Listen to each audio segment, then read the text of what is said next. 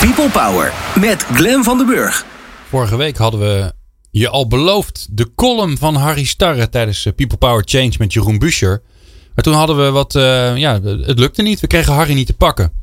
Maar nu gelukkig wel. Dus uh, graag je aandacht voor de column van Harry Starren. Ja zeggen uit principe. Goede managementideeën hebben iets vanzelfsprekends, zoals goede muziek. Toen Paul McCartney Scrambled Eggs schreef, heeft hij een week lang gedacht dat het liedje al bestond. Zo voor de hand liggend was de melodie. Beste song die hij ooit geschreven heeft. Uiteindelijk moesten anderen hem overtuigen dat het een origineel was. Hij herschreef de zwakke songtekst en gaf het als titel Yesterday, de grootste hit die de Beatles ooit hadden. En hebben trouwens.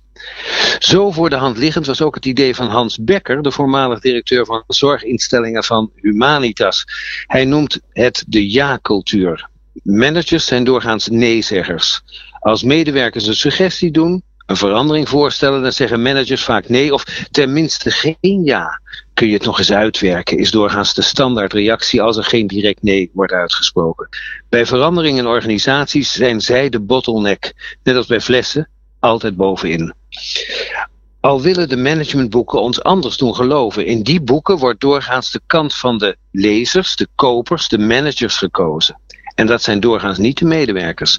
Wie die boeken gelooft, moet concluderen dat medewerkers het probleem zijn en managers de oplossing. Bijzondere managers zijn nodig die we, die we zonder enig historisch besef dan voor het gemak maar meteen leiders noemen. Vertaal dat woord niet in het Duits, want dat leidt af. Terug naar Hans Becker. Hij introduceerde de ja-cultuur. De goede gewoonte om in beginsel ja te zeggen tegen voorstellen van medewerkers en cliënten. Gewoon ja. Want medewerkers en mensen in het algemeen zijn niet gek. Sterker nog, ze hebben er, als het om hun eigen situatie gaat, vaak het meest verstand van. Zij hebben verstand van zaken. Nu liet Hans Becker het niet bij ja, als alternatief voor het halfslachtige nee dat schuilgaat in een interessante gedachte. Werk dat eens uit. Hij zei ja uit principe, maar voegde er iets aan toe dat het behalve aangenaam en respectvol over effectief maakt. Ik ga ervan uit dat jij de uitvoering van dit voorstel voor je verantwoordelijkheid neemt, was zijn truc. Dat had alle gemakzucht uit voorstellen die, zo leert de ervaring, daardoor beter doordacht werden en disciplineren. Want Hans ging ja zeggen, viel te verwachten. En dat is eigenlijk ook wel een beetje angstwekkend. Het is even vanzelfsprekend als Yesterday van Paul McCartney. Net zo vanzelfsprekend, vanzelfsprekend ook als het verwante buurtzorg van Jos de Blok, die de thuiszorg zijn oorspronkelijke bedoeling teruggaf.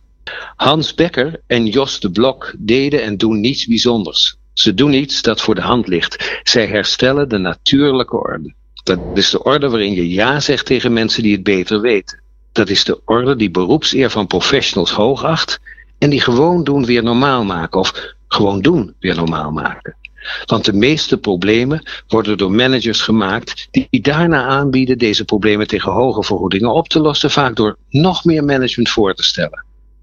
Gewoon ja zeggen dus. Uit principe. Het scheelt een hoop gedoe. Hij is weer prachtig. Ik geloof daar zelf ook heel erg in. Ik ben ook een soort yes man. Dankjewel Harry Starre voor jouw mooie column. New Business Radio. Ondernemende mensen, inspirerende gesprekken. Let's talk business.